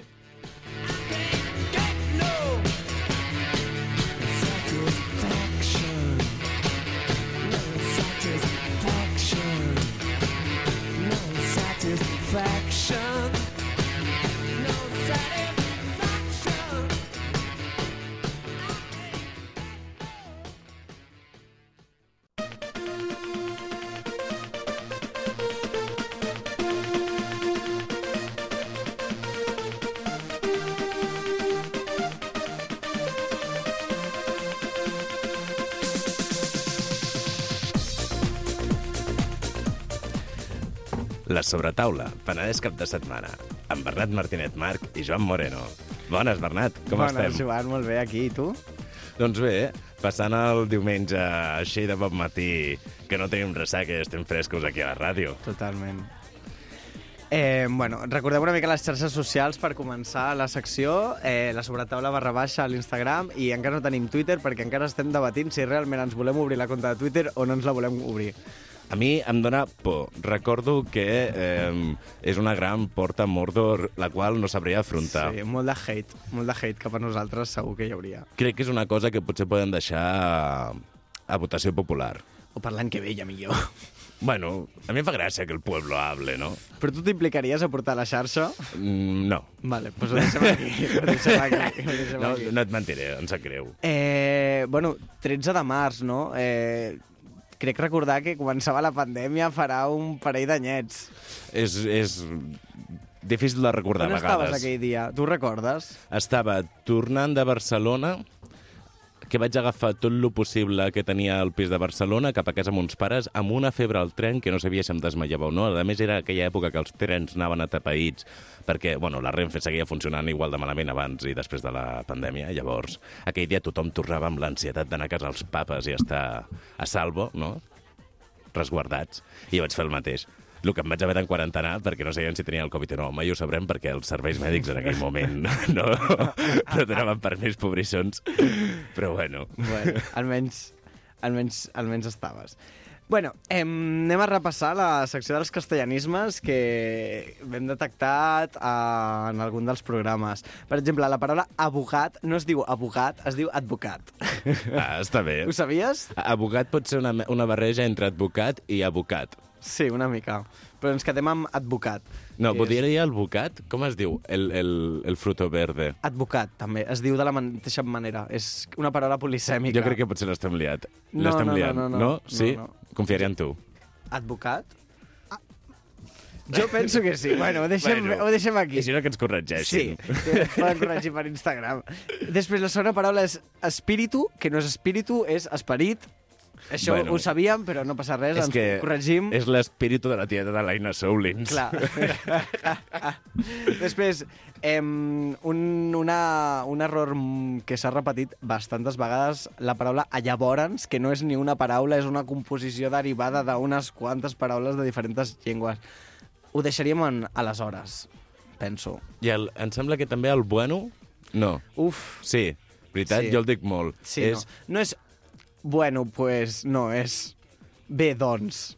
Val, ho intentarem, Sí. ho intentarem. No prometo res, eh? però ho intentarem. I després, mm, en el programa 2 de, de l'entrevista que vam fer amb la Judit Jansà i l'Aina Soler, em, vam dir la paraula pitote i hauríem de corregir, no era pitote, era merder, que és eh, una mica vulgar. Val, No? val, però és que Pitote és... a mi m'agrada. Sí, A vegades podríem acceptar certs, certes barbàries, no? Com a, com a argot juvenil, ja que som joves, no? Quan siguem més grans direm argot d'una altra manera, no? bueno, i fins aquí la secció dels castellanismes de la sobretaula. Bueno, si em deixes, presentaré la nostra convidada, que em fa molta il·lusió. És l'Anna Freixedes, companya de, de, del Penedès i també de professió. Anna, molt bones. Hola, què tal? Com esteu? Molt bé. I tu? Bé, molt bé. Molt bé, molt contenta. Um, no sé, em fa molta il·lusió estar aquí, primer de tot per estar amb vosaltres. Moltes Superbona gràcies. companyia. I perquè és el meu primer cop a la ràdio i això de les primeres bé. vegades és, bueno, com emocionant, no? Sempre. Estem visquent un, un, un desvirgament, un pròpiament dit. sí, sí, sí, no, ens agrada molt saber-ho. Bueno, nosaltres ens vam viure fa molt poc, eh, el nostre desvircament. Som Sí, quasi sí. verges, diríem. Sí, sí, sí, sí. Molt bé. Bueno, ens vols explicar una mica mm, sobre la teva vida, la part que vulguis. No Sí. cal que ens expliquis quan vas fer la comunió, per exemple, però pues, si vols la teva edat o no, pots fer un marge. Entre el 0 i el 100, no? Podries estar... Sí. Bueno, no, no em fa cap vergonya, eh, dir l'edat. Penso que és, eh, bueno, fantàstic fer anys. Molt ben portats, tinc 38 anys, des del gener. Uh, bueno, això em dic Anna, soc vilafranquina. De fet, he viscut aquí fins als 25 o així. Vaig conèixer la meva parella, vam anar a viure a Vilobí. D'amor a Vilobí, eh? De Vilafranca a Vilobí. I ara, uh, el problema és que no sóc ni de Vilafranca ni de Vilobí, perquè de Vilobí no sóc, perquè no sóc nascuda, i sóc una renegada vilafranquina, que això és molt greu. I, bueno, però bé, molt ben acollida. Sí, ben acollida, tot i no ser ni d'un lloc no, ni de l'altre. Acollida i estimada tot arreu. Bueno, això és maco. Sí, I ets integradora social. integradora social, sí. A part de... Sí. De professió i de cor. Bueno, molt bé. Nosaltres Sí. volíem preguntar-te una mica... mm, Ens han explicat que has treballat a un institut. Sí. Sí, sí, sí. I, bueno, com deia el Joan, no has treballat a un institut, però algun cop t'havies imaginat treballar en un institut? Mira, de fet, quan jo vaig començar a estudiar, de joveneta, bueno, això que passa, no? que el, el, la història d'estudiar se'm va fer una mica gros i vaig estudiar coses que realment no m'interessaven per una mica haver de fer coses, no? Com per exemple? Un administratiu. Bueno, Bueno, home, és no, útil, Joan, segur no que- riguis, segur que és útil, riguis. eh, la vida. sí. No, Clar. saps què passa? Em vaig posar um, a estudiar batxillerat, no va ser el moment de posar-me a estudiar, um, i ho vaig deixar a mitges, em vaig fer un administratiu. Total, al final el que jo volia fer era dedicar-me amb el tracte amb les persones, no? Fos, fos en l'àmbit que fos. La veritat és que, bueno, me feia, però sí una mica a, a formar part de, de xarxes i a, i a donar un cop de mà en la manera que pogués i vaig estudiar integració. Jo recordo que quan estudiava integració social deia no penso estudiar, ni, ai, no penso treballar ni amb adolescents ni amb toxicòmens. Perquè pensava, això serà inaguantable. O sigui, jo he sigut adolescent, em recordo d'adolescent eh, sense ser toxicòmena, gràcies. Però pensava, això és inaguantable. I pensava sempre, ostres, treballaré amb el que sigui, no? Pues amb, amb avis, amb discapacitats... Eh, M'era una mica igual al col·lectiu, però amb adolescents no. I, I la meva primera feina en el sector, de fet, va ser en una comunitat terapèutica amb adolescents amb problemes de, de, de tòxics. És Ah, a dir, mira. vaig fer tot el paquetet amb un llacet i m'hi vaig llançar de cap. Una bona experiència, Una no? Pel bona que veig, ho dius amb un somriure. No, sí, Et preciosíssima. puc fer una pregunta? Sí. T'has imaginat mai el teu jo adolescent toxicòmen? No. Com creus que hagués sigut, així, eh? imaginant-ho ràpid? Ostres, és que... Molt diferent de l'Anna que ja eres com a adolescent? Sí, sí, perquè jo em recordo, ostres, em recordo com molt inconformista i, i potser una mica buscant el límit en l'àmbit familiar, no? Però em recordo molt alegre i molt... No sé, jo recordo la meva adolescència divertida, bonica, no... no... I llavors tot, tot el tema de la toxicomania, ostres, hi ha, hi ha un, un, un entorn, un voltant, un, una aura, no sé com explicar-ho, eh, però com a molt fosca com molt, molt xunga, xunga, Taciturno, no? se- se- Seria la paraula... Com seria taciturno en català? Taciturna, jo crec que anirà cap a la secció de castellanismes ara mateix. No, no, no, és que és, és castellà. Taciturno vale. és castellà, no sé dir-ho en català, ho estic No, preguntant. no sé com es diria, no però com a molt fosca. Sí, sí. I llavors no, no, no, no, l'associ- no, no, no, no m'identifico gens amb, amb una història fosca.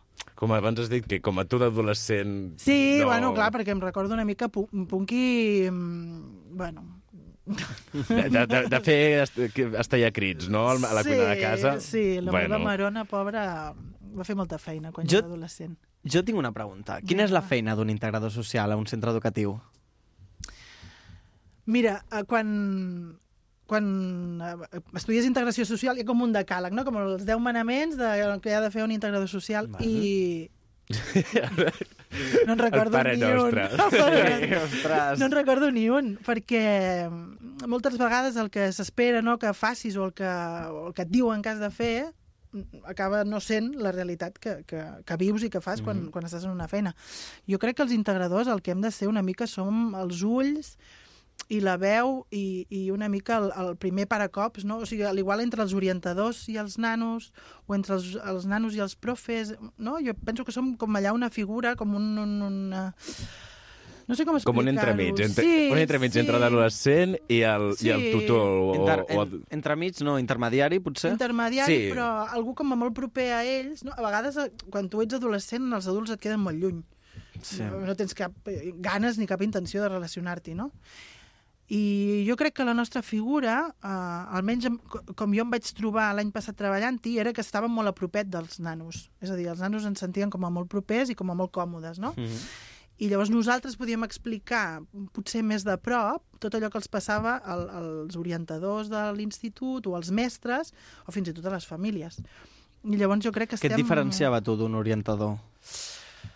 La feina de l'orientador també acaba de ser potser més administrativa, no? Més de despatx, més de... Més Més burocràtic. burocràcia, Sí. estava pensant jo també. Són les persones que fan eh, els testos, els informes, Ah. eh, les persones que també estan més vinculades amb, el, amb els professors, amb les famílies... I les coordinacions, I les diguéssim. coordinacions, sí. Però en canvi amb els nanos, per, jo crec que és per una qüestió de volum de feina, eh? no perquè no sí, no, no, vulguin. no. Uh, doncs érem nosaltres en aquest cas, no? els que estàvem allà a la trinxera, com Per- si diguéssim. Perquè com era un dia normal teu? Un dia normal meu era fer un cafè, per agafar forces, no? un cafè ben gras, i, i anar a diferents aules a donar un cop de mà als nanos que tenien més dificultats. Però la veritat era que ja només de camí cap a les aules, en els passadissos i en els patis, et trobaves els primers, no? eh, les primeres trobades amb els nanos, no? Un nano que no havia entrat a classe, que arribava tard, que havia, jo què sé, el que sigui, Vale. no? I tu ets aquella persona que s'hi adreça, no? I "Tio, què fas aquí? Què t'ha passat? No? Pues el primer que t'explica, "Nen, m'ha passat tal, tal, o és que resulta que ahir vaig, no vaig dormir i pues, eh, aquesta informació que tu ja reps és aquella que has de fer arribar a l'orientador o a l'orientadora o al professor o tutor o a qui tu eh, Val. tinguis més a l'abast, no? I començar aquesta feineta que farà que aquest nano, si realment té problemes, es puguin detectar a temps, no? Potser. Perquè, clar, vull dir, la, la ESO no és només a l'aprendre tot el material que t'imparteixen a les aules, sinó Sí. també aprendre a ser una mica personeta o Home, futur, clar, el- o futur sí. projecte de persona. Depèn, depèn qui i Sí. com, no? Sí, jo crec que la nostra feina és molt bonica perquè treballem amb material molt sensible, que són els adolescents, no? i que a vegades són tan difícils d'entendre, uh, però que alhora, si tu aconsegueixes detectar doncs això, petits, petites dificultats, petits problemes que ells puguin tenir en el moment, i, i amb això jo crec que hauríem de reivindicar molt, hauríem de, de, de poder ajudar-los en aquest precís moment perquè després, precisament, no, no haguessin d'arribar no? doncs a comunitats terapèutiques, a centres de justícia. Jo crec que si hi hagués molta més uh, inversió de gent i de diners a, a, a, a, en els instituts, en el carrer, en centres, de, de centres cívics, faríem que els problemes no es fessin tan grossos, no? que poguessin pal·liar aquests problemes quan són petits i que llavors eh, el sistema, com si diguéssim, no patés quan aquests nanos ja estan desbordats i ja els han passat tantes coses tan dolentes que, que, que no hi ha manera de, com, com d'ajudar-los i ells ja mm, tampoc ni, ni confien en,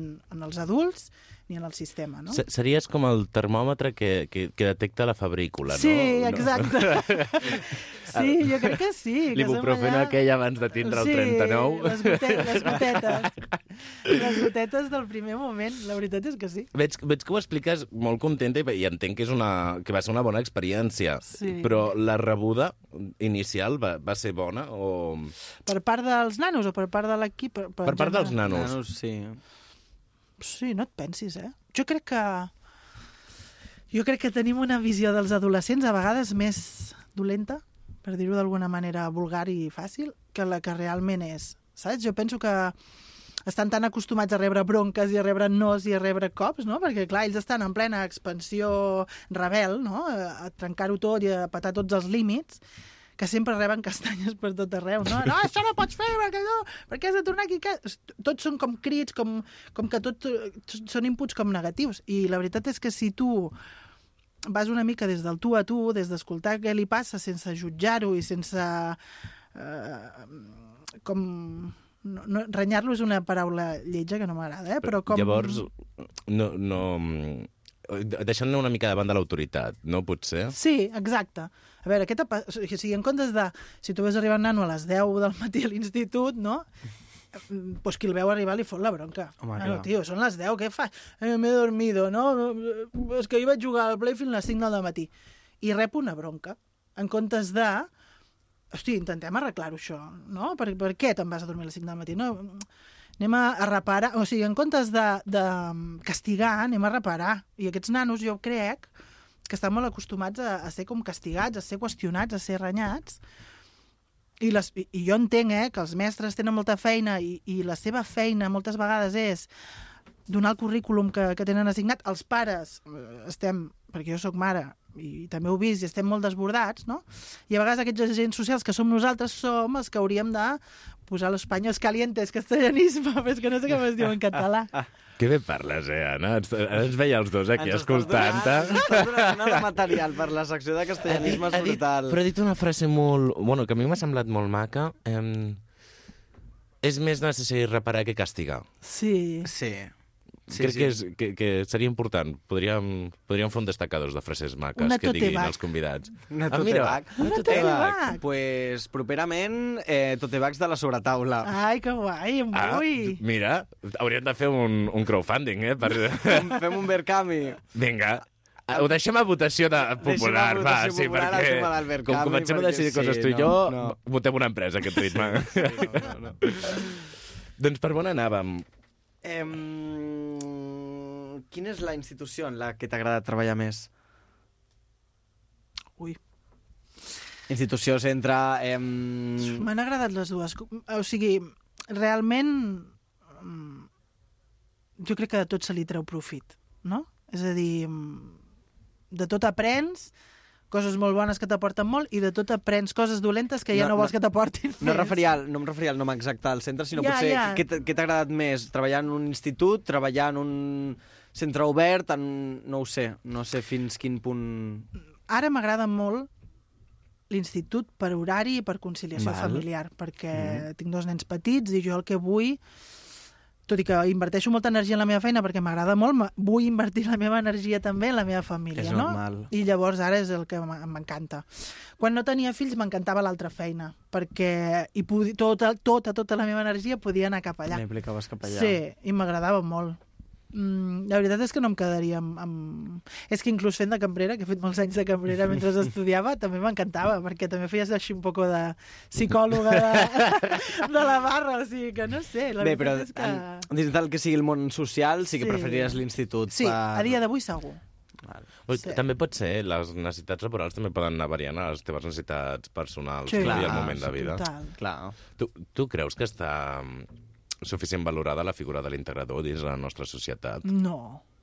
Ni de l'integrador, ni de l'educador. Jo crec que primera, que és com a molt desconeguda, no? Com si no fos necessària i jo crec que, que, es, que es necessita com el pa de cada dia, perquè si no hi ha salut mental i no hi ha inversió a, en cuidar a, no? aquest material sensible del que parlàvem, no? que són les persones més vulnerables, això no funciona. I nosaltres eh, penso que, ostres, eh, som necessaris i estem molt poquet valorats. La veritat és que sí, per, precisament pel que explicava, eh, que jo crec que si hi hagués més inversió i més personal en aquestes primeres esferes, no? en les escoles, en els instituts, no hi hauria d'haver la inversió que hi ha després en centres més tancats no? i en recursos que són bueno, més complicats. No, és que la prevenció primària...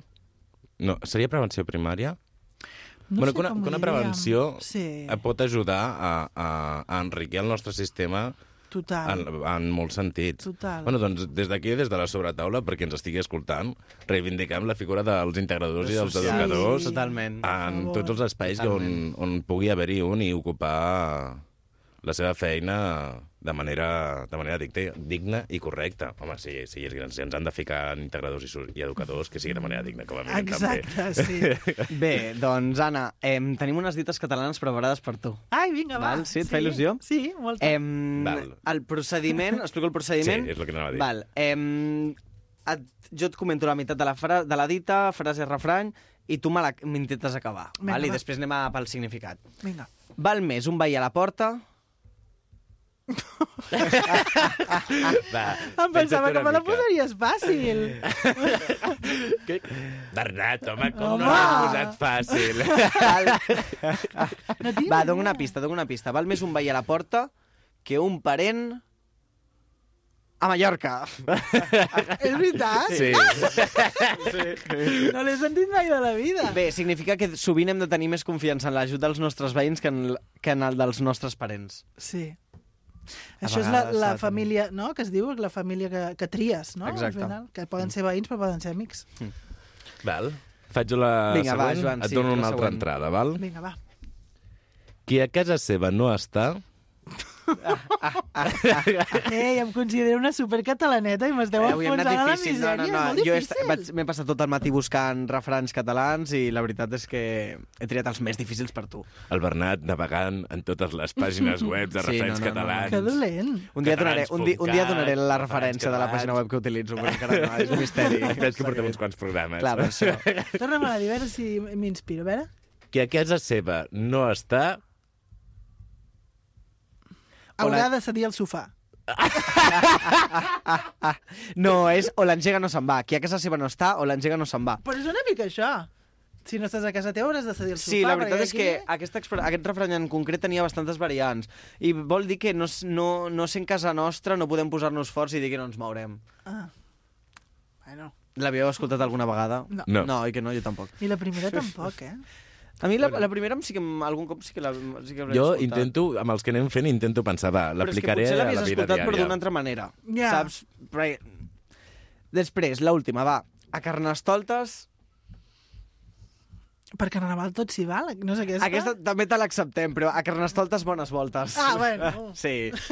I, bueno, és, aquesta dita és més aviat que Carnestoltes són una temporada, un període de l'any que mm, és més abundant la gatzara i l'alegria que la tristor i la, i la pena.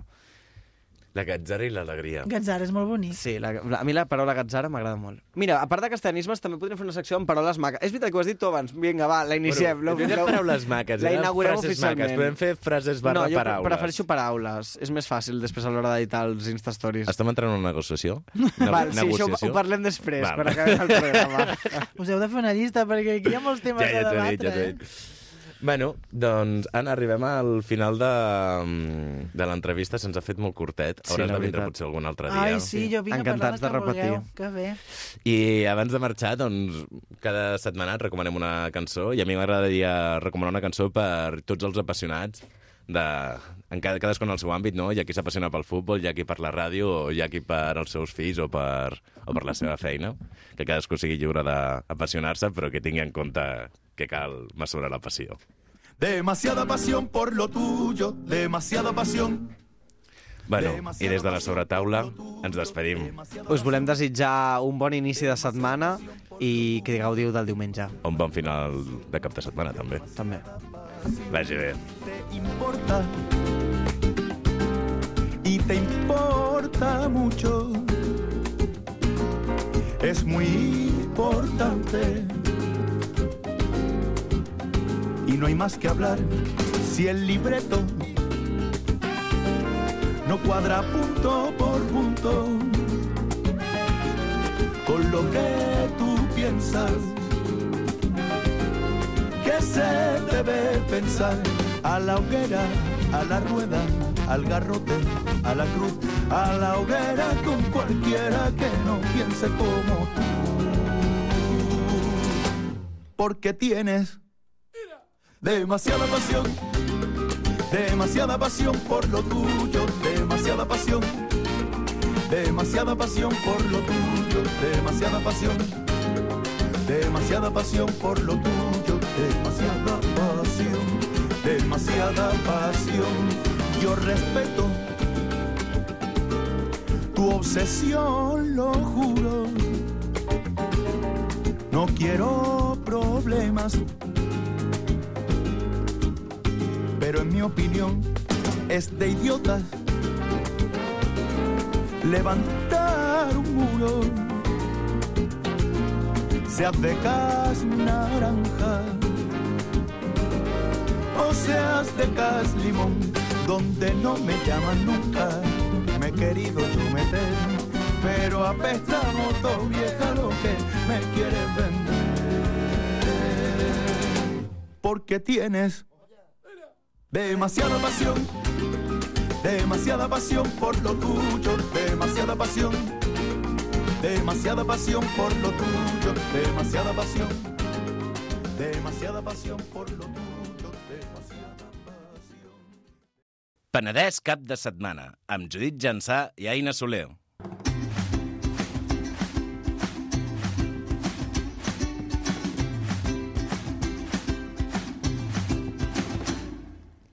I fins aquí el programa d'avui. Tornem la setmana que ve.